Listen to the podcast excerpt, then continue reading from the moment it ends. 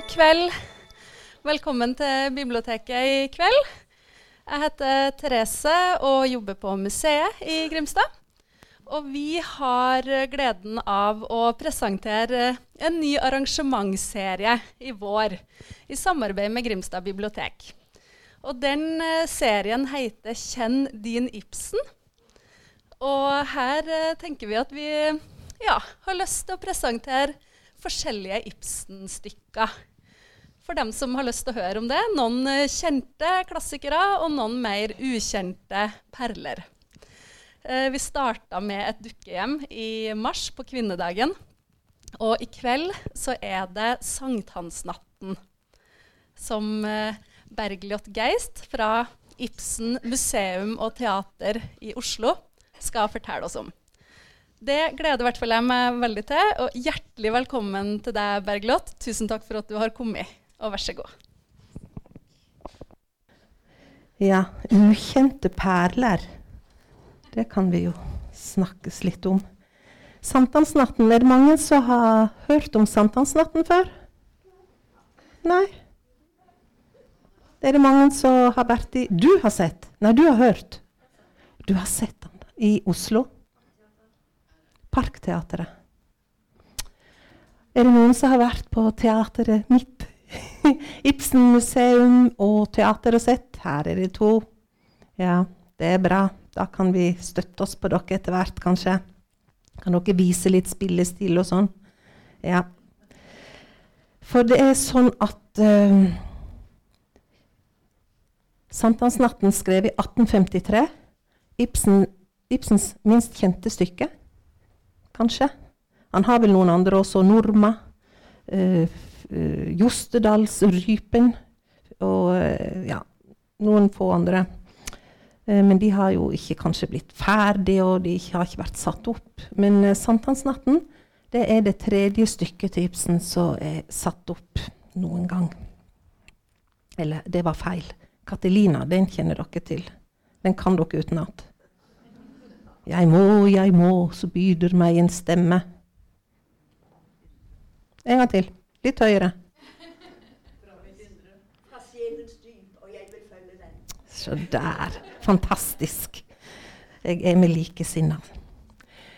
Eh, ja, da begynner vi. Og jeg har laga powerpoint. Vi kan ta den først, kanskje. Nei, vi tar den først. eh, ja. Når en trodde at, det, at, vi kjente Ibsen, for det gjør vi jo, ikke sant? Vi har jo hørt om et dukkehjem og en folkefiende og Rosmersholm og Villand og Når vi døde våkner Altså, vi kan ramse opp. Så skal vi åpne Ibsen museum og teater 20.3 i år, for vi har nemlig fått bygd en teaterscene i bakgården. Og er, jeg må faktisk få si at jeg er veldig veldig stolt av denne scenen. Det er, det er så morsomt å kunne ha Ibsens leilighet, og så kan vi gå ned og se teater. Vi kan først gå i Ibsens leilighet og se på Jon Gabriel Borkmann. Og så kan vi gå ned på teaterscenen, og så kan de spille det stykket. Tenk, dette her henger sammen. Det er fantastisk. Og jeg syns virkelig han har fortjent det. Eh, men da vi skal åpne, så eh, sa eh, Nationaltheatret at de gjerne ville ha åpningsforestillingen. Og det var jo stas, da. Det er jo litt Ibsens teater, det. Og de har bestemt seg for å sette opp uh, Sankthansnatten. Ja, det var jo litt rart, da. Uh, men de, fått, uh, de, fikk fatt i en kjempegod regissør som heter Birgitte Tuft. Hun er fra Belgia. Og hun har spesialisert seg på historisk spillestil. Så de som uh, savner å se Ibsen spilt sånn som det egentlig skal spilles, ja, de må komme til Ibsen-museet nå før 20. mai, for da får dere virkelig sett hvordan Ibsen ble spilt i 1853 på dette teateret her. Det hele begynte med at uh, Ole Bull kom til Kristiania uh, og skulle ha en sånn støttekonsert for Den nasjonale scene i Bergen. For der var det ganske tomt i pengekassa. Uh, og han og Henrik Ibsen de samarbeida om et stykke som het 'Musikkens makt'. Der selvfølgelig Ole Bull komponerte musikk, og Ibsen skrev tekst. Og Henrik Ibsen imponerte nok Ole Bull. Så han, eh, Ole Bull han eh, spurte Henrik Ibsen vil du være med til Bergen og bli sceneinstruktør. Ja, sa Ibsen. Og så lånte han penger av Ole Bull, satte seg på eh, båten, og så reiste de langs kysten til Bergen. Og dette her er teateret som da Ibsen skulle jobbe som scenekunstner på. Det har brent ned. Eh, så det sto rett ved siden av Hvis dere har vært i Bergen og sett Den nasjonale scene, så sto dette her altså på høyre side av eh, Høyre side. Det sto her. Og der bodde Ibsen Nei, her er jo det, men jeg skal si at Ibsen bodde her. Eh, og, Ole, og Bjørnstjerne Bjørn som bodde her når han jobba på dette teateret her. Komediescenen der. Mm. Og, du, nå har jeg lagt inn med lesebriller, og det er helt håpløst, for jeg liker ikke å bruke det. I hvert fall så en, eh, Her jobba han så, ble han ansatt som 23-åring. Han jobba her fra 1851 til 1857. Og det blir påstått at Ibsen skulle levere ett nytt stykke i året. Og det stykket skulle ha premiere på teaterets stiftelsesdato, som var 2. januar. Eh, jeg har ikke funnet kontrakt på dette her, jeg har ikke funnet noe skriftlig om det. Så det kan godt hende at dette her var en sånn uh, muntlig avtale som de ble enige om. da. For i 1853 så setter da Ibsen opp Sankthansnatten. I 1854 så er han begynt å jobbe på et stykke, men han får ikke det helt til. Så han tar og omarbeider et annet litt ukjent stykke som het 'Kjempehøyen', som første gang hadde premiere i 1850. Så lager han en ny versjon. Eh, Istedenfor at det utspiller seg i Sicilia, så utspiller det seg nå i Frankrike. Og det setter han opp da i 1854, 2. januar. Og så kommer det trillende. Fru Inger til Østerått i 1855, Gilde på Solhaug i 1856 og Olav Liljekrans i 1857. Og det var store forventninger til den unge Ibsen som skulle komme her da til Bergen. Og en måned etter at han har vært, eh, kom til byen, til Bergen, så kan en lese i Bergens Stiftstidene. Herr Ibsen er engasjert som teaterdikter og vi ville håpe i sesongens løp, nå da han kjenner og vurderer vårt teater, at der holder fra hans hånd noen nasjonale efter teaterets krefter avpassede skuespill, som kunne give vår scene også i den forstand dens rette betydning. 1850-tallet, vi er jo midt inne i romantikken. ikke sant? Det er nasjonalbygging her, det er folkeeventyr. Det er, de går til Telemark. Det blir jo bestemt at ja, den frie bonden i Telemark, det er han vi skal bygge vår kultur på. Tenk hvordan det hadde vært hvis de hadde bestemt seg for fiskeren i Nord-Norge. Så hadde jo vår kulturhistorie sett helt annerledes ut. Men nå er det da altså denne her frie bonden i Telemark som vi bygger den norske identiteten på. da. Og dette her, det håper de å gjenspeile i det som skal være på scenen her. Eh, teaterets styre hadde også store forventninger til denne unge mannen her. Og allerede våren samme år så får han bevilga midler til en studietur til Danmark og Tyskland. Og her skal han skaffe seg kunnskap om både arrangement og dekorasjoner og kostymer og alt annet som han har bruk for i teateret.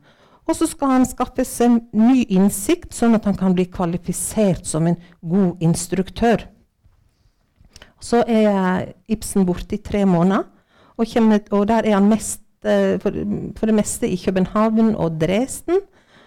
Og så kommer han tilbake til Bergen mot slutten av juli i 1852. Og med seg i veska så har han et stykke som heter 'Sankthansnatten'. Og da er jo det stykket ferdig. Og nå sa jeg 1852. Men disse her tidlige stykkene til Ibsen så bruker vi ofte datoen for premieren. Derfor så står det sånn som på første bilde er sankthansnatten 1853. Sånn hvis dere plutselig ser 1852, så har dere forklaringen på det. Dette her stykket det er det eneste Ibsen ikke vil kjennes ved. Det er ganske voldsomt. Han skriver et stykke, og så vil han ikke ha noe med dette her å gjøre. Og det kommer fram når han, eh, den tyske utgiveren Julius uh, Elias vil gi ut uh, Ibsen samlede på tysk. Da blir Ibsen litt irritert. Og da skriver han dette brevet. Nå har jeg bare tatt et lite utsnitt ifra det. For siste gang må jeg herved kategorisk erklære at jeg verken vil eller kan la skuespillet Sankthansnatten opptage i samlingen av mine arbeider. Stykket er et miserabelt produkt. Det er ikke egentlig hydrører fra min hånd. Det er bygget over et løst, fuskeraktig utkast som jeg i min tid mottok fra en studiekamerat, bearbeidet og satte mitt navn på, men som jeg nå umulig kan vedkjenne meg. Langt fra at forklare noe av mine øvrige produksjon, står det ganske utenfor enhver sammenheng med denne. Jeg har derfor allerede i mange år betraktet det som uskrevet og ikke-eksisterende. Det skriver Ibsen. Et makkverk og fuskeraktig utkast. Ja. Så dette sankthansnatten det ble aldri trygt mens Ibsen levde. Og det han skriver i dette brevet her, ja, det kan jo være sant. Men ti år tidligere så hadde Ibsen fortalt til Henrik Jæger, som skrev Ibsens uh, første biografien om Ibsen. Og Da sa Ibsen at han hadde avtalt med daværende student Bernhoft at de i fellesskap skulle skrive et stykke. Bernhoft hadde som bekjent forsøkt seg som dramatisk forfatter. Ibsen gjorde utkastet til sankthansnatten og sendte Bernhoft det, men fikk til svar at Bernhoft nå var begynt på et studium og helst ville glemme at han noensinne hadde hatt noe å bestille med teatret, litteraturen og slik forfengelighet. Så da prøver han å legge skylda over på Bernhoft, kanskje. Men da Sankthansnatten ble oppført i Bergen 2.1.53, da kjentes han ved det. Da skrev han stykket under navnet Henrik Ibsen. Og da han seinere, i 63, søkte regjeringen om uh, å få diktergasje, så la han heller ikke skjul på at det var han som hadde skrevet 'Sankthansnatten'. Så stykket det ble ikke offentliggjort før i 1909, som var tre år etter Henrik Ibsens død. Og dette stykket har jo også i mange år blitt sett på så helt ubetydelig. Det har ikke vært, eh, det er skrevet veldig lite om det. Uh, en finner ikke så mye det, det, er sjelden å se det på scene.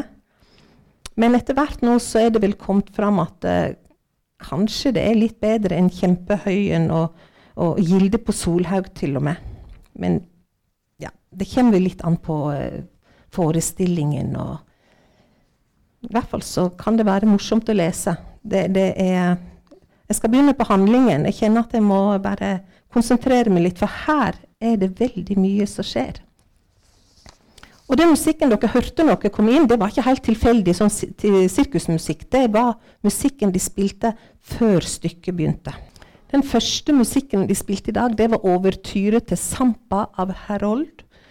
Så det står på programmet her. Og det vi hørte nå, var Fjell av Trane. Så her kan vi gå og finne musikken som blir spilt. Og det er mye musikk her. Først er det Sampa, og så er det eh, en prolog, og, det, og, så er det tre overtyrer seinere. Så i dag når vi spiller på Ibsen, så varer stykket i to og en halv time. Men her varte det jo mye lengre. Jeg tror det var nærmere fire. Men skal de rekke å spille alt, så må de vel ha det såpass. Ja. Og ellers var det veldig mye musikk og dans inni her også. Og det opplevde vel dere når dere så det i går og før. I et par dager siden, kanskje.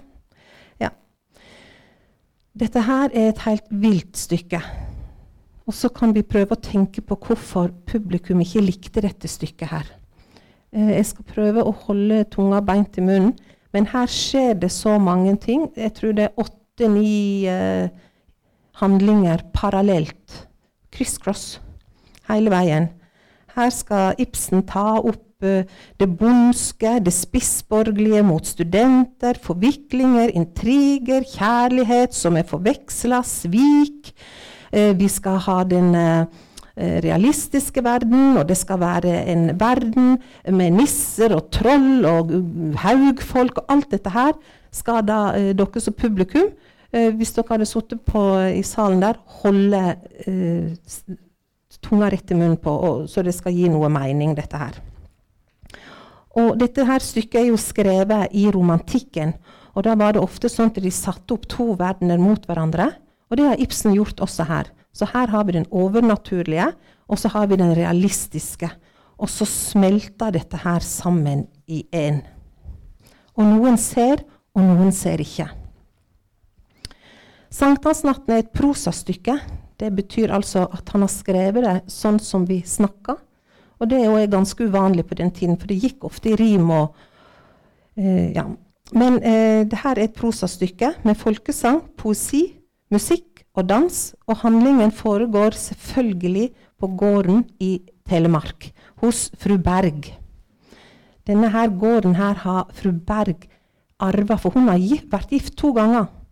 Men nå er den siste ektemannen også død, så nå sitter hun ganske godt i det på en stor gård.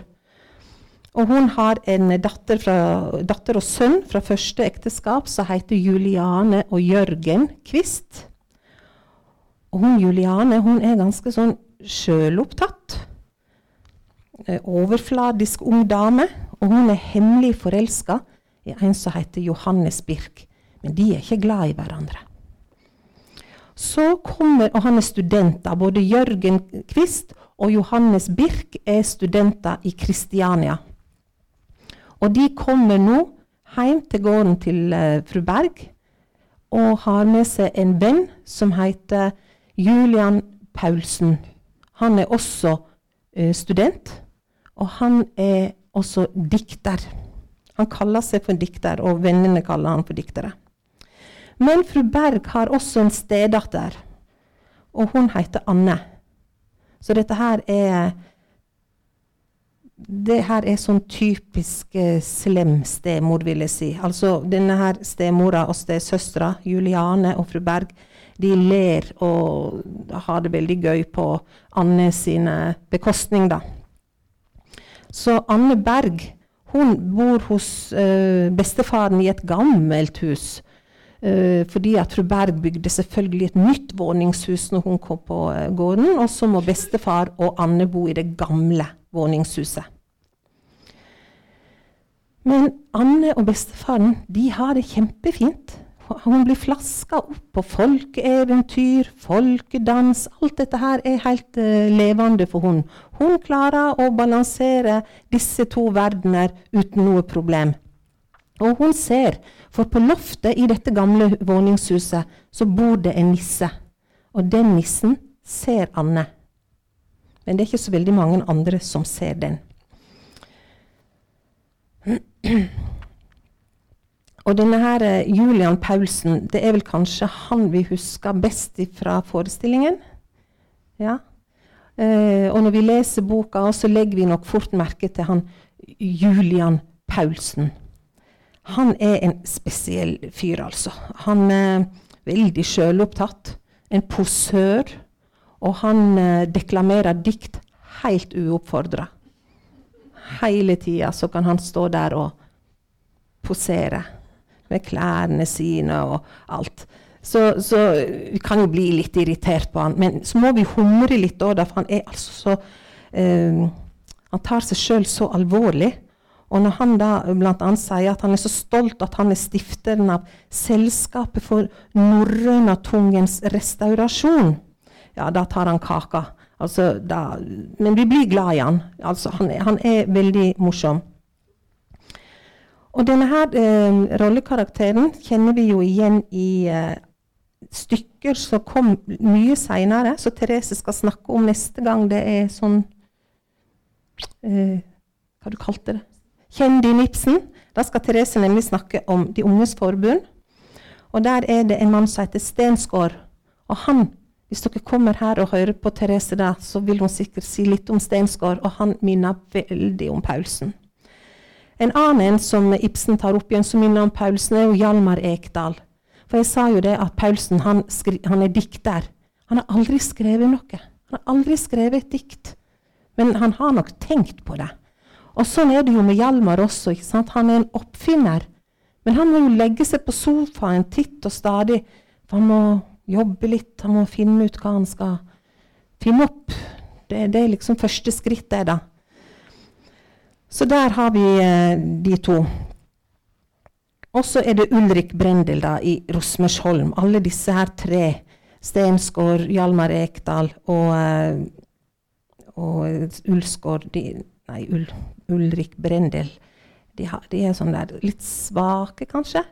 Og uh, ikke noe uh, rygg, ryggrad i de. Og Julian Paulsen han er veldig opptatt av det nasjonale. Estetikk og det nasjonale, det, det går an å snakke om hele tida. Men han er vel det minst nasjonale av alle vi har med i dette stykket. Så på denne måten her med å ha med sånn som Anne, som er veldig opptatt av eventyr, og, og det her er helt virkelig for henne, og så har du han Paulsen, da. Så har du hele spennet. Og på denne måten her så prøver Ibsen da å, å, skrive noe om det nasjonale, det estetiske og ideologi og alt dette her. Men om det kommer tydelig fram, det er ikke jeg sikker på. For eh, ja, vi kan se, men eh, jeg tror ikke publikum i Bergen fikk det med seg rett og slett under premieren. De var helt forvirra når de gikk ut av den eh, salen etterpå. Og så er det denne nissen, da. For her skal de feire midtsommernatt. Og de skal alle opp, i, um, opp på fjellet, og så skal de se på Sankthanshaugen. Og denne nissen han hadde veldig morsomt, så han putta litt sånn eh, trylledrikk oppi punsjen. Og etter Julian, da, eller Paulsen, som jeg får kalle han, så ikke vi går helt i surreale navna eh, Paulsen har drukket litt av denne her punsjen så, så, begynner han å deklamere igjen, og han forklarer seg sjøl og er veldig opptatt av å betrakte seg sjøl utenfra. Så sier han men så begynte mitt livs konflikter. Jeg kom til Kristiania og ble student. Og begynte liksom de andre å legge meg efter estetikk og kritikk og alt det unasjonale kram heter. Gud vet hva det var blevet av meg hvis jeg ikke hadde fått øynene opp i tide. Paulsen, sagde jeg til meg selv, dersom du holder sådan ved, så giver du det nasjonale jeg et uvissår.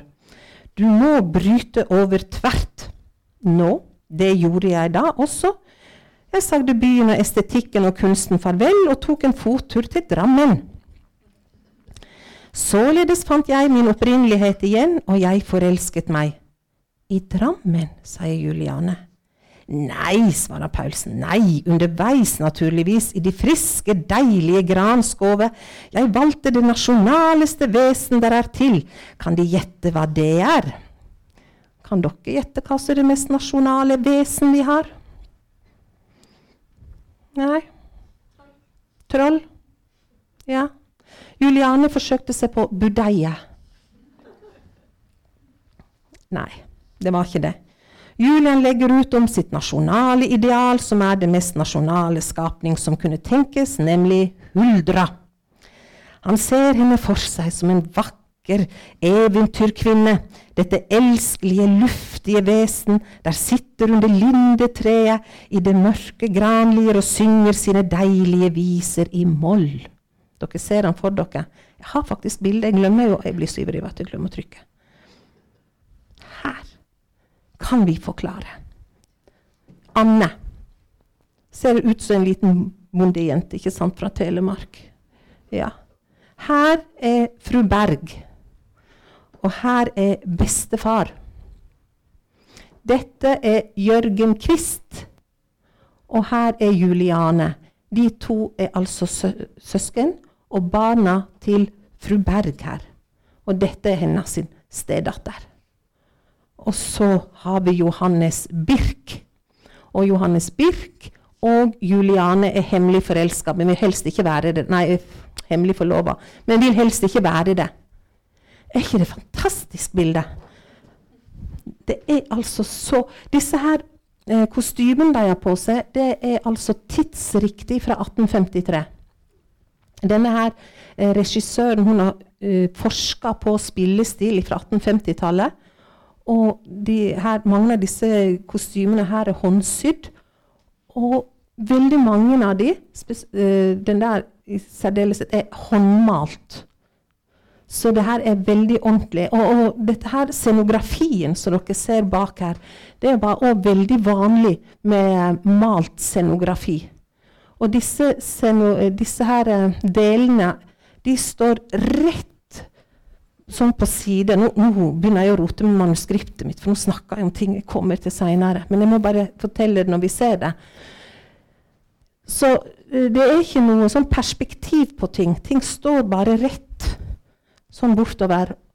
Og så brukte de disse her eh, scenogra scenografien her, da. Eh, brukte de igjen og igjen og igjen og igjen. Så det var sjelden det ble malt noe nytt her. Det var jo kostnader. Men dere har jo ikke fått sett han eh, Her er nissen. Ellefsen. Han er helt fantastisk. Han står bak her. Og så er det disse to. Nå forespeiler jeg det litt, men vi kan ta det etter hvert. Ja. ja mikrofonen pleier å gå og mumle litt når jeg går og snakker her, men det hører dere alt. Ja. Det er altså denne huldra som eh, sitter der i skogen og synger sine deilige viser i moll. Og En dag han sitter og leser ei bok om nasjonale eventyr, så oppdager han imidlertid til sin forskrekkelse at ja, Huldra er vakker. Men hva er det med Huldra? Hun har hale. Hun har rett og slett en kuhale. En lang og stygg dyrehale har hun. Og den lar seg ikke skjule. Jeg kan ikke beskrive den hva jeg led. Estetikken og nasjonaliteten kjempet på liv og død i mitt bryst, sier Paulsen når han har funnet dette her med halen. Men la meg nå like så godt si dem det. Denne gangen gikk opptuk opptuktelsen over naturen. Jeg måtte oppgi kjærligheten. Så da var det slutt med Huldra. Og dette her eh, tenkte nok Ibsen at eh, de skulle le. Altså Han forventa at publikum ville forstå hvorfor kjærligheten til dette idealet, til denne Huldra, er uforenlig med kuhale. Eller at alle som idealiserte Huldra, ville bli fanga i en konflikt mellom estetikk og det nasjonale. Og eh, for sikkerhets skyld så sier Paulsen kuhaler er abnormale. Mot skjønnhetens stridende utvekster. Så dette her er jo helt forferdelig for han. Så der har du Paulsen. Vi må finne et bilde av Paulsen. Der er Paulsen. Paulsen og Juliane. En flott kar. Veit å kle seg. På helt andre sida av Paulsen, der har vi Anne. Anne som bor med bestefaren i dette gamle våningshuset. Og fru Berg som bygde et nytt hus da hun kom til gården, og der nissen bor hos Anne. Og hun er denne Askepott-skikkelsen og aksepterer både det naturlige og unaturlige. Og hun, hun er flaska opp med denne her folketradisjonen vår. da som hun har lært av bestefaren. Men hun klarer å balansere disse to verdenene. De går helt inn i hverandre.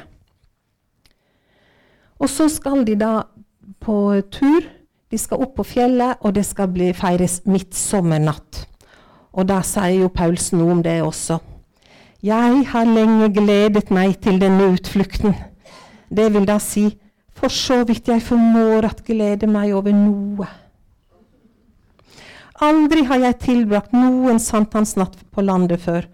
Og det er jo dog nettopp på denne tid at det nasjonale, det, det, det primitive liv kommer til syne, befritt for alle bånd. Så han ser på dette her som primitivt. Denne her Anne sin verden. Så alle skal til sankthanshaugen og feire, og det skal også eh, haugfolket, og det skal nissen, og nissen putter trylleurt i punsjbollen som de fire skal drikke av. Og så sier han, Å, hvor som smaker den saft så søt. Hans blikk for det ytre skinn er borte. Og så presser han saften da, ned i, i blomsten, fra blomsten opp i bollen. De tåker det har seg forsynelagt, vil klares i drømmens spillende flammer. Da føles med sannhet den indre makt, der råder i sjelens forborgne kammer. Men den som har intet at grunne på, han vandrer i blinde som ellers og sover. Og da er det noen som sovner, sånn som Jørgen Quist. Han går glipp av all moroa. Egentlig så vet jeg ikke hvorfor Ibsen har skrevet inn Jørgen Quist. Han har ingenting i skuespillet å gjøre. Men han er nå med, og det var jo raust gjort av Ibsen. Men han får ligge og sove for det meste. Så begynner andre akt, og det starter med at fjellet åpner seg. Og disse fire unge har nå gått opp. Og når fjellet åpner seg, så vises midtsommernattsfeiringen til alver og nisser og alle andre nasjonale skapninger. Og Ibsen skriver i sceneanvisningen Bjerget åpner seg, og i det indre ses en stor og glimrende opplyst hall. Bergkongen sitter i høysetet i bakgrunnen, alfer og haugfolk dansende omkring ham. Paulsen han er helt ute av stand til å forstå hva han ser. Han pussa brillene igjen og igjen og igjen. Men nei, han, han får ikke tak på dette her. Og, og, han, også har med seg Juliane. Dere, her ser dere, de står og ser opp på hva er det som skjer. Men de skjønner ikke for de er mest opptatt av seg sjøl. Hvordan tar det meg ut nå, da? Lurer de på. Og de tar Haugkongens hoff. Det tar de for å være en festforestilling satt opp av de lokale bønder. Og de finner ut at Haugkongen han er et medlem av festkomiteen. Og nissen han er en berusa bondetamp. Og så ler de godt av alt dette her som de ser da. Og de gratulerer hverandre og seg selv for stadighet med sin store nasjonale og poetiske følsomhet, og klarer heller ikke å slutte å betrakte seg sjøl. Mens vi sitter her med åpent blikk for det dikteriske i livet, så ligger rimeligvis Birk og de andre og sover på deres grønne øre, eller drømmer en eller annen triviell drøm. Men ikke de. De eh, gjør noe annet som er viktig. Anne og Johannes, jeg så jo de her, var ikke det her? Der er de på samme sted og ser opp. Anne og Johannes de er de eneste som ser og forstår etter å ha drukket denne trylledrikken. Og etter at Birk har drukket der, så forandra Birk eh, syn på Juliane, hans forlovede, som nå er med Paulsen, og beskriver henne som kokett, svulstig og forskruet. Ja, så det blir slutt, tror ikke du det? Da fjellet åpner seg, så står de to parene og representerer helt ulike måter skjønner vi, på å se det som skjer. Anne og Birk de tror at dette her er virkelig. At det er haugfolket og bergkongen og alfer og nisser som holder på der. Og de blir så beveget, og, og de blir forklart den, av denne kunstneriske opplevelsen. Og nå gjenkjenner de sin identitet. Ja, hva betyr det? Jo, for dette her blir enda verre. Som tiåring så ble Birk veldig syk, for han mista far sin i ung alder. Og far til Anne tok han imot og passa på han. Men så blir han veldig syk. Han får en veldig høy feber og alt dette her. Så han husker ingenting av barndommen sin. Og, kjenner, og derfor så kjente han seg ikke igjen når han kom på gården til fru Berg. For, for han har bodd der i, i, mange år som barn. Men han kjenner, pga. denne feberen så husker han ingenting. Og han husker heller ikke Anne. Og Anne var jo hans beste venninne når de vokste opp og var små barn. Men nå Det er et magisk drikk. Nå husker han alt sammen. Og det gjør Anne også. Hun er jo så glad for at han endelig husker hun. For hun har jo ikke sagt noe om dette her. Henger dere med fortsatt? Ja. Ta det veldig rolig. Men det er en handling til. For da fru Berg hun har svindla gården Birkedalen fra Birk For da Ibsen Det her kan dere mye bedre enn meg, sikkert. Når Ibsen var 18 år, så ble han far med, den ti år eldre Else Sofie Jensdatter Birkedalen. Oh, hva var det? Her kom Birkedalen igjen. Så Ibsen har skrevet Birkedalen inn i sankthansnatten. Den der gården het Birkedalen. Og han hadde jo fått dette barnet med Birkedalen. Og Johannes Birk heter jo selvfølgelig Birkedalen, han også. Det var blitt forkorta til Birk, for det var litt mer moderne. Og, denne, og, og, og da uh, Anne og bestefaren de åpner en kiste og finner noen dokument som viser at Johannes eier denne her gården. Det er Johannes sin gård. Og da blir svindelen til fru Berg eh, kommer opp i dagens lys. Men Johannes, han, på slutten av stykket så river han i stykker disse papirene. Og det slutter. Det er ingen som dør. Det er mange som spør meg hvorfor er det så mange som tar livet sitt i Ibsen. Her er det ingen som dør. Det er ingen som tar selvmord. Alle lever. Det er happy ending. Et av de få stykkene til Ibsen, det var det. Og ikke nok med det. Tror ikke du at Juliane og Paulsen òg finner ut at de har møtt hverandre før, når de var yngre? På ball hos Madam Olsen skole. Og der tråkka Julian eller Paulsen på Juliane sine føtter hele tida, og hun husker at han hadde en gul vest. Så det er merkelig hvor ting ordna seg i dette stykket her. I Paulsen så latterliggjorde Ibsen den overdrevne begeistringen. Nå har vi hørt hvordan Paulsen deklamerer. Og, og, Ibsen bruker Paulsen til å overdrive denne her begeistringen for alt som var nasjonalistisk. Eh, beundringen for de innfødte. Det rustikke og bare fordi at ikke det var besudla av det svenske og det danske. Og innflytelsen. I tillegg trakk han i tvil om det gikk an å skape et nytt språk, landsmål, av det gamle målfører. Så nå er vi faktisk inne i diskusjon om nynorsk eller ikke nynorsk. Paulsen sier så, nå er jeg det endelig ved mine ønskesmål her i den stolte, ville natur. Nei, forlatelse. Her er haven, sier Birk tørt. Ja, like meget med en smule kommer du ut på ett. Her i den stolte, vilde natur skal jeg noensinne finne min opprinnelighet igjen. Ja, så må det være her. Og da står han i hagen da til fru Bergs. Og så sier da Juliane, for hun er jo så betatt Å, min Gud, hvilke interessante ideer han har. Og Birk Å, hva også hun? Og Jørgen Å, nå klinger det ikke. Nei, du skulle høre når han fremsetter den på nynorsk. Men kan noen forstå det, lurer Juliane på. Og Jørgen svarer nei, herregud, det er jo nettopp det man skal lære. Og da fikk jo, Ibsen var jo ikke så særlig for nynorsk, han var heller ikke for det norske flagg. Ibsen var jo en skandinavist. Han ville jo at Norge, Sverige, Danmark skulle være ett. Og da passa jo ikke nynorsken. Så dette her var eh, handlingen i korte trekk. Jeg har prøvd å gjøre det forståelig for dere. Hva tror dere disse her eh, bergenserne tenkte om dette her i 1853? Ja, Da må vi begynne med denne fortalen i sankthansnatten. Ibsen hadde nemlig forfatta en lyrisk prolog om kunstens oppgave. Å fortolke folkets liv. Det begynner med å se på hvor viktig hjemlandet er for de reisende som farer langt bort fra kjente kyster. Men hvis kunsten skal blomstre, så må kunstneren omfavne sitt hjemland.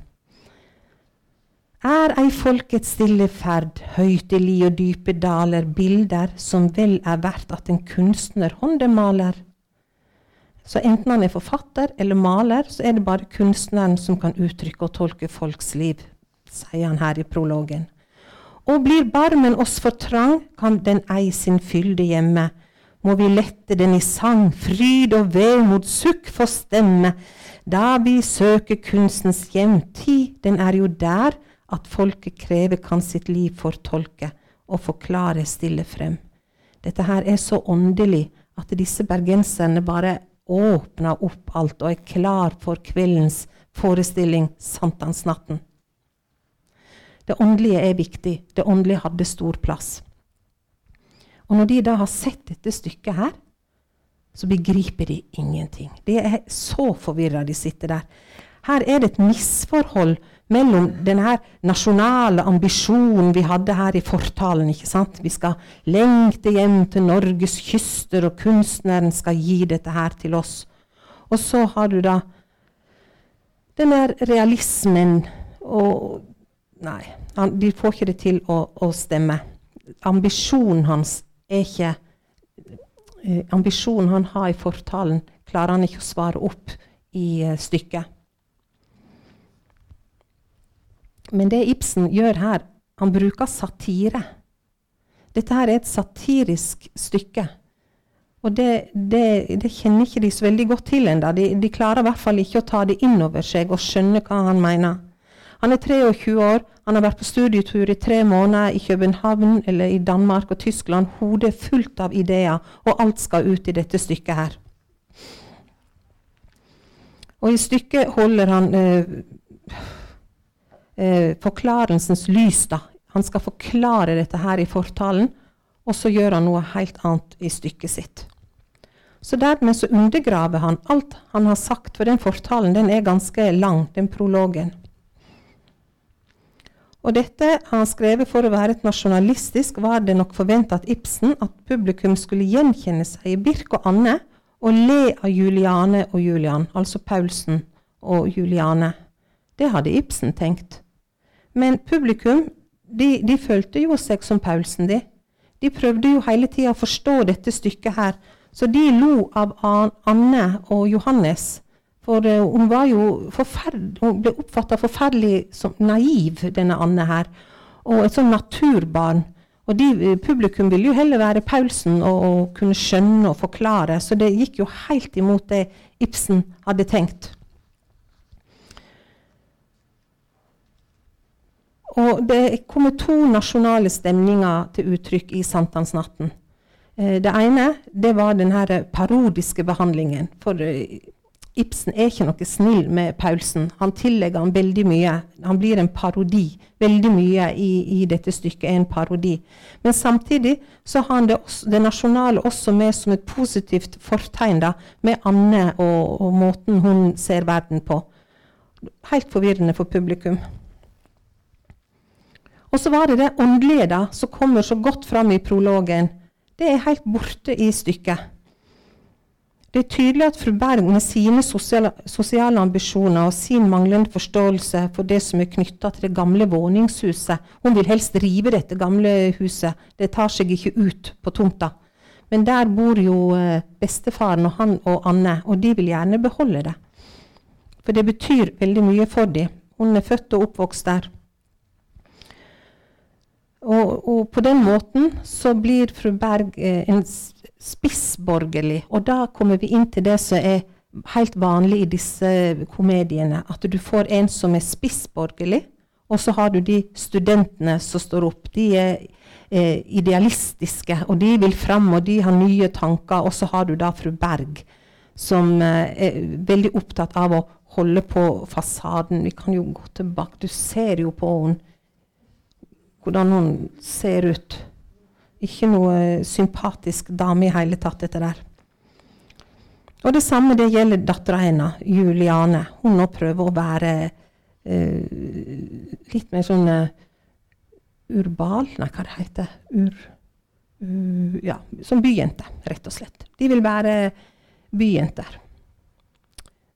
Men de bor jo i Telemark, på en gård. Sønnen, han Jørgen, han, eh, hvis dere husker han, han er, han er helt nøytral. Han er en student, han, men han ligger jo for det meste og sover under forestillingen også. Så han er ordna der. Og Julian Paulsen han presenterer seg som dikter. Mye mer dikter enn student. Han vil gjerne være en kunstner. Men uh, han, han, skriver ingenting. Og han sier også når han uh, ser det som foregår med den festen på midtsommernatt, så vil han gjerne at noen skulle ha vært der, en maler eller noen, og, skrevet, og tegna og malt eller skrevet ned det som skjedde. Men han er jo dikter sjøl, hvorfor kan ikke han gjøre det? Han makter det ikke. Så han må ha noen andre til å tolke det han ser, enda han påstår han er en, eh, en kunstner. Og Johannes han følger etter Anne, og dermed så er vel han nesten noe av det mest eh, Så de i den tid ville ha sagt åndelig, da. Eh, han går ifra det overfladiske og, å henge henger sammen med Paulsen, til å følge Anne, som er det ekte, det genuine norske, nasjonale her, da. Så sammen med Ol stykken Olav Liljekrans og Gilde på Solhaug, så er nok Sankthansnatten eh, noe av det mest eh, folkloristiske stykket Ibsen har skrevet. Men det, det gjenspeiler jo seg ikke akkurat i kostymene her. Har dere noen spørsmål? Dere må bare Nei? OK. Og det Ibsen klarer, da Nå har jeg sagt mye om hva han ikke har klart i dette stykket, men det han virkelig klarer, det er jo å skrive levende og muntlig dialog. Når vi leser det i dag, så tenker vi kanskje ikke at oi, så bra dette her er skrevet. Men på den tiden så var det et mye mer levende og muntlig språk enn det de pleide å skrive. Og han gir disse satiriske, satiriske menneskeskildringene som heller ikke var helt vanlige på denne tiden. Og han klarer å holde alle disse her eh, eh, innvikla handlingene og alle disse her ulike intrigene i gang. Det er mange baller i luften som han skal ta ned etter hvert. Så minner dette stykket dere om noe? Ja, hva du tenker på? 'Midtsommernattsdrøm' av Shakespeare? Ja. Det er intriger, og det er forviklinger, og der Shakespeare har puck, så har jo Ibsen nissen. Og der Puck eh, legger sånn saft i øynene på de som eh, sover, og det går i surr med forelskelser, men så ordner det seg igjen allikevel, så har jo nissen hos Ibsen lagt denne magiske blomstersaften i punsjen sin, da, eller til de unge, og sørga for at de rette kjærestene finner hverandre. For det har dere kanskje skjønt. At det ble slutt med den der forlovelsen. Det ble brudd der. Mm. Og Johannes og Anne de blir sammen, og Juliane og Paulsen de blir sammen. Så uh, ja.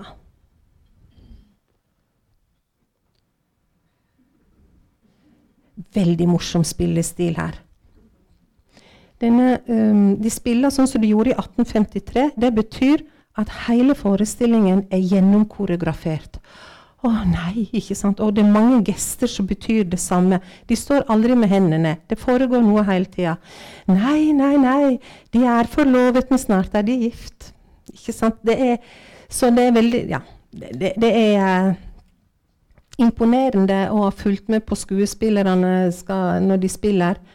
Uh, de har Framme her så har de rampelys. Det kommer ikke fram her, men de har tatt ned alt lyset vi har kjøpt til dyre tatt det ned, og så har de laga sitt eget rampelys her framme. Visste dere at veldig mange ord og uttrykk fra teateret, eller, som vi bruker i dagligtalen, eller vi som er over 15, da, bruker i dagligtalen eh, f.eks. å stå i rampelyset, det er jo fra teateret. Å stå på de skrå bredder, når noen er på de skrå bredder, det er vel ikke helt OK. Det var fordi at teater Hvis dette her er en teaterscene, så ville den ha gått eh, svakt innover for å lage litt sånn perspektiv. Og de skuespillerne som var så uheldige å stå helt bakerst, det var de dårligste skuespillerne. De putta vi helt bakerst. De skulle ikke si så mye. De kjeda seg etter hvert. Så da var det fint å ha publikum på eh, galleriet. Og spesielt på søndager når det var veldig billige billetter, så kunne de sitter der oppe, de arbeiderfolka, arbeidsfolka som hadde fri fra fabrikkene, de kunne kjøpe seg billett, ha med seg mat og drikke, og så satt de der oppe, og de var lett å få med på spillet. Så der sto disse her dårligste skuespillerne bakerst og ush, fant på ablegøyer. Et spill for Ja. Et spill for galleriet. Så har vi noe som heter Å, hva er det det heter? Jeg kommer ikke på det. Hmm jernteppe. Har dere hørt om det? Og jernteppe det har de på Nationaltheatret. det er en eh, jernvegg som kommer inn og skal skille publikum og scene i tilfelle brann. Men det har kommet over i språket òg som jernteppe. Og så har vi eh, Drillo i hans storhetstid. Han hadde, var veldig opptatt av bakrommet. Jeg vet ikke hva bakrommet er i fotball, men jeg vet at det òg kommer ifra teater. Ja. Så kanskje vi nå etter hvert eh, kan begynne å skjønne hvorfor eh, han ikke ville trykke det. Det kan være mange grunner. Men Ibsen sa faktisk at 'jeg leser ikke bøker, jeg leser avisen'. Og så da komme med et stykke som 'Sankthansnatten', så vi alle bare sitter og tenker 'Midtsommernattsdrøm', ja. Ikke sant? Det var kanskje, han ble kanskje litt avkledd. Det er ikke godt å vite hvorfor han eh, ikke likte det. Han kalte det òg for en galskap i brevet.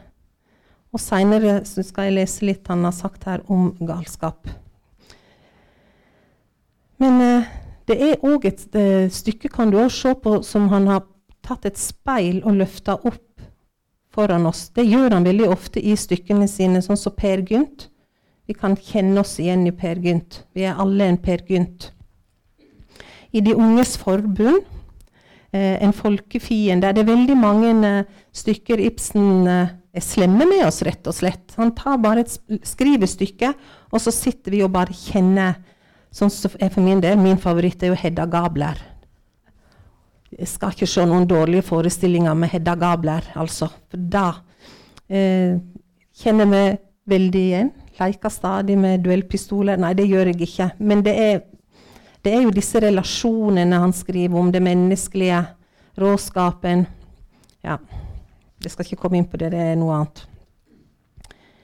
Her, dette stykket, 'Sankthansnatten', som hadde premiere 2.1.1853, ble en fiasko. Dundrende fiasko. Dette var det andre skuespillet Ibsen fikk oppført. Det første var jo 'Kjempehøyen' i Kristiania. Og det var altså store forventninger til denne dikteren her. Og i, og i Bergens eh, Stiftstidene brakte de en omtale av denne urpremieren, og anmelderen hadde festa seg mest ved alle de folkloristiske apparatene, som han kalte det. Her skrev han Herr Henrik Ibsen ga vi søndags til beste førstegrøten av sitt dramatiske forfattertalent i eventyrkomedien Sankthansnatten. Med nisse, huldre og hva det forresten foregår inne i haugen, Sankthansnatten, av nasjonale danser mellom vetter og huldrer kjærlighetsscener mellom fjellkongen og liten Kari, med mer. Teatret hadde fullt hus, og mange måtte gi opp og få billetter, forteller avisa. Og det ser ut til at forventningene var store. Anmelderen roser de nye dekorasjonene, som var malt av Fredrik Sørvik. Eh, de var særdeles heldig utført, og svarer til de forventninger man har hatt om den unge teatermaleren. Når det gjelder skuespillet, er vurderingen hovedsakelig basert på publikums reaksjoner. Og de var ikke særlig positive. Det ser ut til at det ikke har vært lett å få med seg hva som foregikk på scenen, og anmelderen gjør ikke noe forsøk på å formidle innholdet heller. Samtalsnattens idé og handling er nok forblevet stående noe på det uklare for publikum, skrives det i avisa, som ved teppets fall syntes litt konsonarert, men vi betviler ikke at den andre oppførselen på onsdag vil gi forfatteren et mer fyllestgjørende resultat, især det gives for et like så fullt hus som søndags, for det var jo stappfullt på urpremieren. Og at eh, skuespillet det hadde Ibsen allerede sendt til Kristiania i håp om at noen skulle sette det opp der også. Og det hadde eh, journalisten eh, notert seg. Og for sin egen del så fant anmelderen, eller kritikeren, ut at det ikke sto tilbake for et par andre bergenske stykker som nylig hadde oppnådd publikums gunst på byens teater. Og visen er uten tvil velvillig overfor den unge dikteren, og sender sin representant også til den andre og siste forestillingen. Så de har ikke helt gitt opp uh, håpet for denne unge Ibsen. Men det ble ikke innfridd. Det, det, det, ble enda verre. I sin helhet må det betraktes som et mindre vellykket produkt. Skjønt det har smukke enkeltheter. at nå ikke gauterer publikum viste de tomme benkene. Folk bare gikk. Så det var mange tomme benker, og det var ikke noe problem å få billetter, altså. Men eh, det var det siste eh, som ble satt opp av eh, sankthansnatten i Ibsens tid. Og et par vitnemål i ettertid har bekrefta at oppfør oppførelsen eh, ikke fikk noe positiv mottagelse. Og Peter Blytt han var først eh, satt i styret til teateret, og etterpå så ble han styreleder. Han prøvde å være positiv, men han sa at blanding av romantikk og virkelighet eh, det gjorde liten lykke. Og stykket gjorde ingen lykke, sa han en gang, noe som forklares ved at publikum nok har følt seg en smule forvirret over den eiendommelige blandingen av romantikk og virkelighet og realisme som her ble budt dem. Og i Aftenposten 60 år etterpå da, altså da har Aftenposten-journalisten snakka med noen som var der 60 år etter forestillingen. Og, de, og på spørsmål om sankthansnatten ikke gjorde noen lykke, svarte de ingen lykke. Nei, det skal Vår Herre vite. Det ble både hysset og pepet. Så det stykket ble pepet av scenen. Så det var to forestillinger. De jobba som noen helter på teateret på den, på den, tiden. her. Det var tre til fem prøver, og så var det forestillinger. Og så var det å se hvor lenge de forestillingene gikk. Kanskje to ganger. Og så var det på'n igjen med nye prøver. Tre til fem dager, og så et nytt stykke. Så Ibsen han syntes at eh, teateret hadde nok blitt mye bedre om de hadde kunnet teksten sin de skulle snakke om. da. For de sto jo der med ark og gikk fram og tilbake. Så dette her eh, var jo ikke noe eh, heldig møte med det bergenske publikum, da. Når det ikke ble noen flere oppførelser av dette her skuespillet i Ibsens levetid. Og det ble vel heller ikke bedre når han på slutten av måneden fikk eh, beskjed om at nå skulle han instruere Huldrens hjem.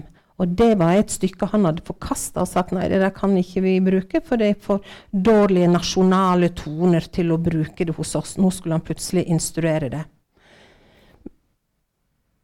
Men det var ikke så mange som hadde sett uh, Sankthansnatten på scenen her før. Du hadde sett det Hvor var det henne?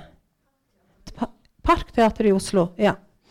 Og det er blitt satt opp eh, I 2006 så ble satt opp i Nord-Trøndelag, på Stiklestad scene, med Nord-Trøndelag Teater. Og så har det blitt satt opp um, hos oss nå.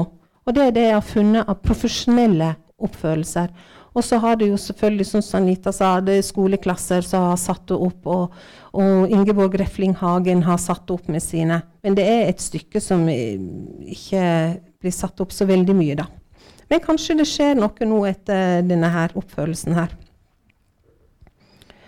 Men det var jo ikke siste gangen Ibsen fikk dårlige mottagelser, fordi at seinere det var, det var, jo sånn Ibsen at han først kom ut med bøkene, så skulle folk lese de. Og så skulle de gå på teater og se stykkene. Og det, Han kom ut med bøkene sine før jul, og han fikk som regel dårlige anmeldelser. Så Ibsen sa at for meg var julen aldri noen lystig tid.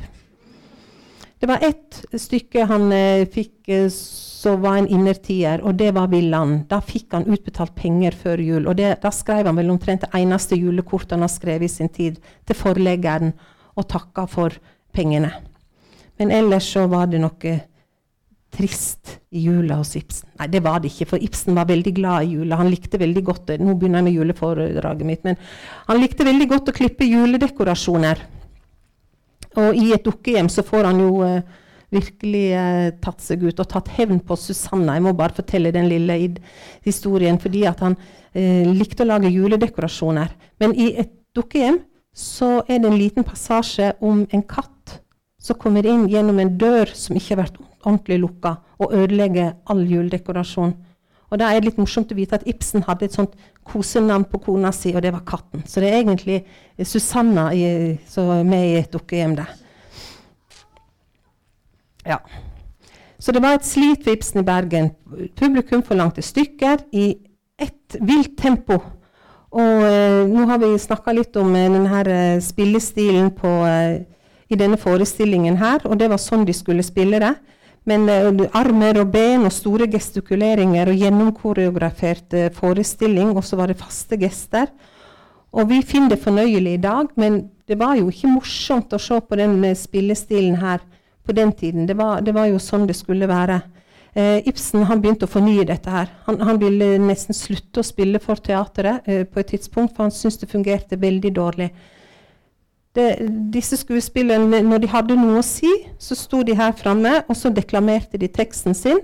Og når de var ferdige å deklamere teksten sin, så kom det kanskje en de skulle ha en dialog med, og stiltes opp ved sida. Og så sto de og så ut og snakka sammen, uten å se på hverandre. Dette her syns Ibsen var veldig dårlig. Så så jeg allerede har fortalt, så snudde han disse her eh, delene her så de ble litt skrå. Han snudde møblene, og så tillot han eh, skuespillerne å snu seg og se på den de snakka med. Til og med snu ryggen til eh, publikum kunne de få lov til. Så det ble veldig mye mer levende, dette her, han, eh, når han instruerte. Og han fikk veldig god kritikk også når han var i Trondheim med et gjestespill. Da skrev anmelderen det krever visstnok anerkjennelse at skuespillerne kommer bort fra det gammeldagse, stive og unaturlige stykket, at stykkets personer løper like frem mot eh, lamperekken eller vender seg helt imot publikum når de har noe å si.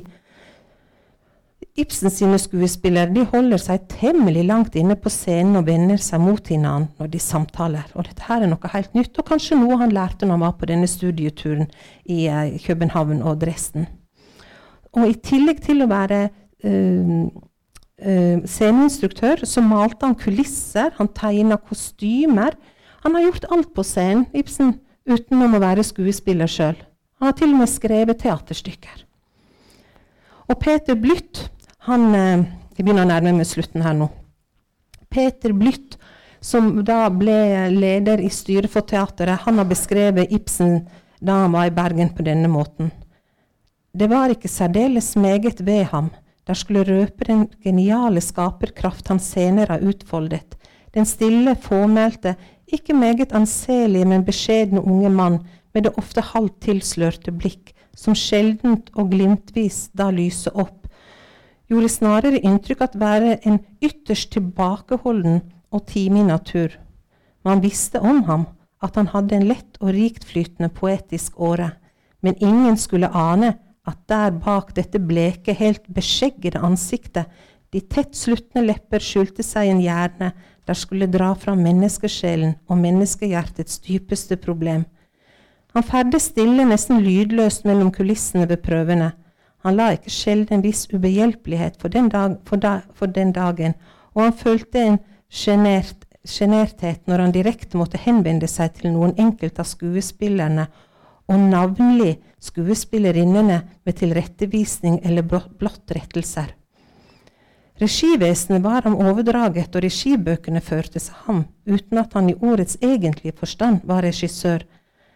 Han forekommer være en i seg selv tilbaketrukken natur, der hadde vanskeligheter for eller ulyst til å slutte seg fortrolig varmt og inderlig til noen. Han syntes å foretrekke å vandre i ensomhet og ubemerket. Det viste seg gjentagende ganger at økonomiske overslag og beregninger som var uatskillig forbundet med hans stilling, lå atskillig utenfor hans rekkevidde. Så han var ikke noe særlig god med denne økonomien, Ibsen. Men ingen betvilte hans gode vilje.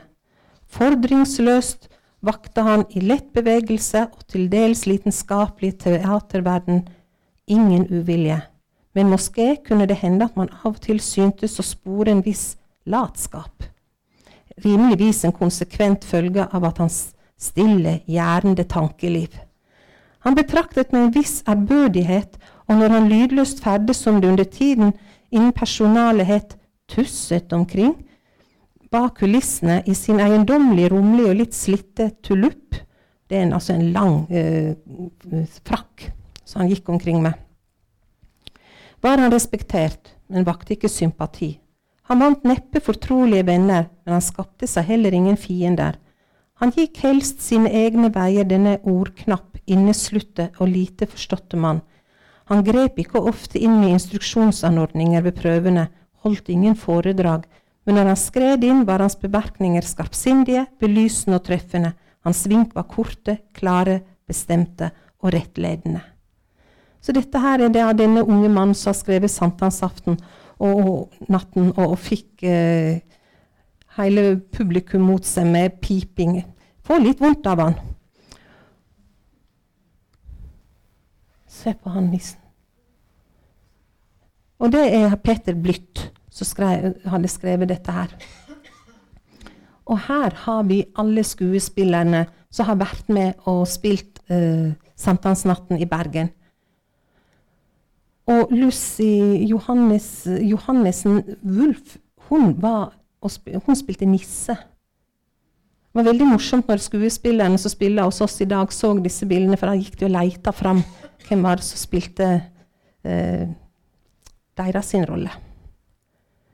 Men hun, eh, Lucy Wulf har jo også skrevet litt om Ibsen. Men altså, hun, hun har jo ikke da det var i Bergen, så spilte hun kun i ett stykke, og det var 'Sankthansnatten', og det var som nisse. Og hun skriver mine erindringer som Henrik Ibsens eh, virke ved teatret er ikke så levende eller interessant for meg.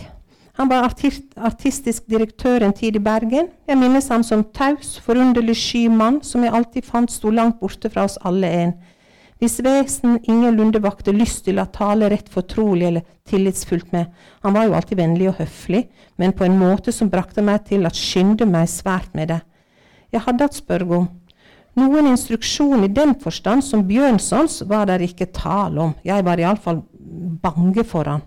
Han gikk stadig og hyllet seg inn i en stor kappe, og nærmet man seg til ham, så trakk han seg tilbake og gjemte seg som en snegl i sitt hus. Denne mektige verdensstørrelse måtte jo føle seg knuget og bundet ved dette ensformige strev i det trange Bergen.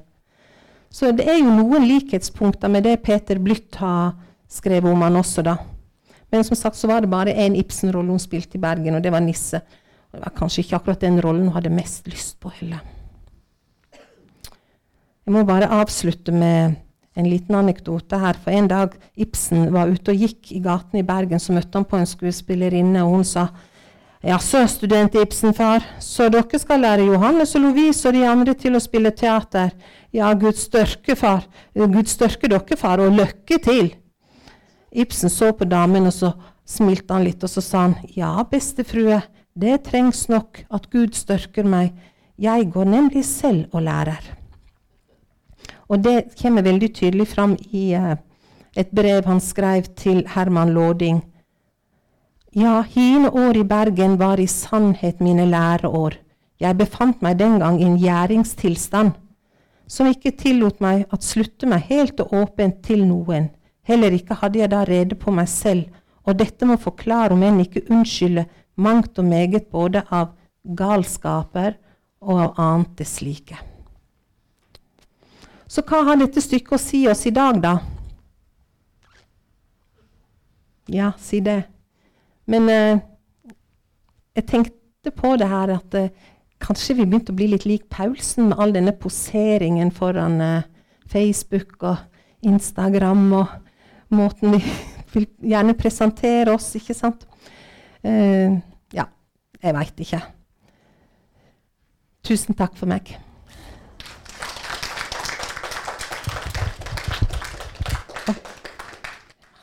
Tusen hjertelig takk uh, til deg, Bergljot. Du er så kunnskapsrik, og det er så artig å høre på det. Jeg syns vi fikk en veldig bra Jeg har ikke sett Sankthansnatten og ikke lest stykket heller, men skal jeg hjelpe deg? ja, men jeg syns uh, jeg syns jeg skjønte uh, sånn delvis de uh, forviklingene som foregår i stykket, og fikk veldig lyst til å se oppført. Um, det kan jo hende at det er noen spørsmål, men vi er no, uh, litt over tida, så jeg tenker at da kan dere komme bort til Bergljot i etterkant og snakke med hun dem som ønsker det. Um, så ble det jo nevnt at uh, det er et foredrag uh, til i Kjenn din Ibsen-arrangementsserien. og neste gang er det jeg som skal i ilden, og da er det De unges forbund som står for tur. Så hjertelig velkommen da òg. Det er 18. mai. Men jeg har en liten ting til deg òg, Bergljot eh, som du skal få. En liten eh, Grimstad goodiebag eh, som jeg bare skal finne fram. Men eh, enda en stor applaus. Tusen takk for oppmøtet, og takk til deg, Bergljot.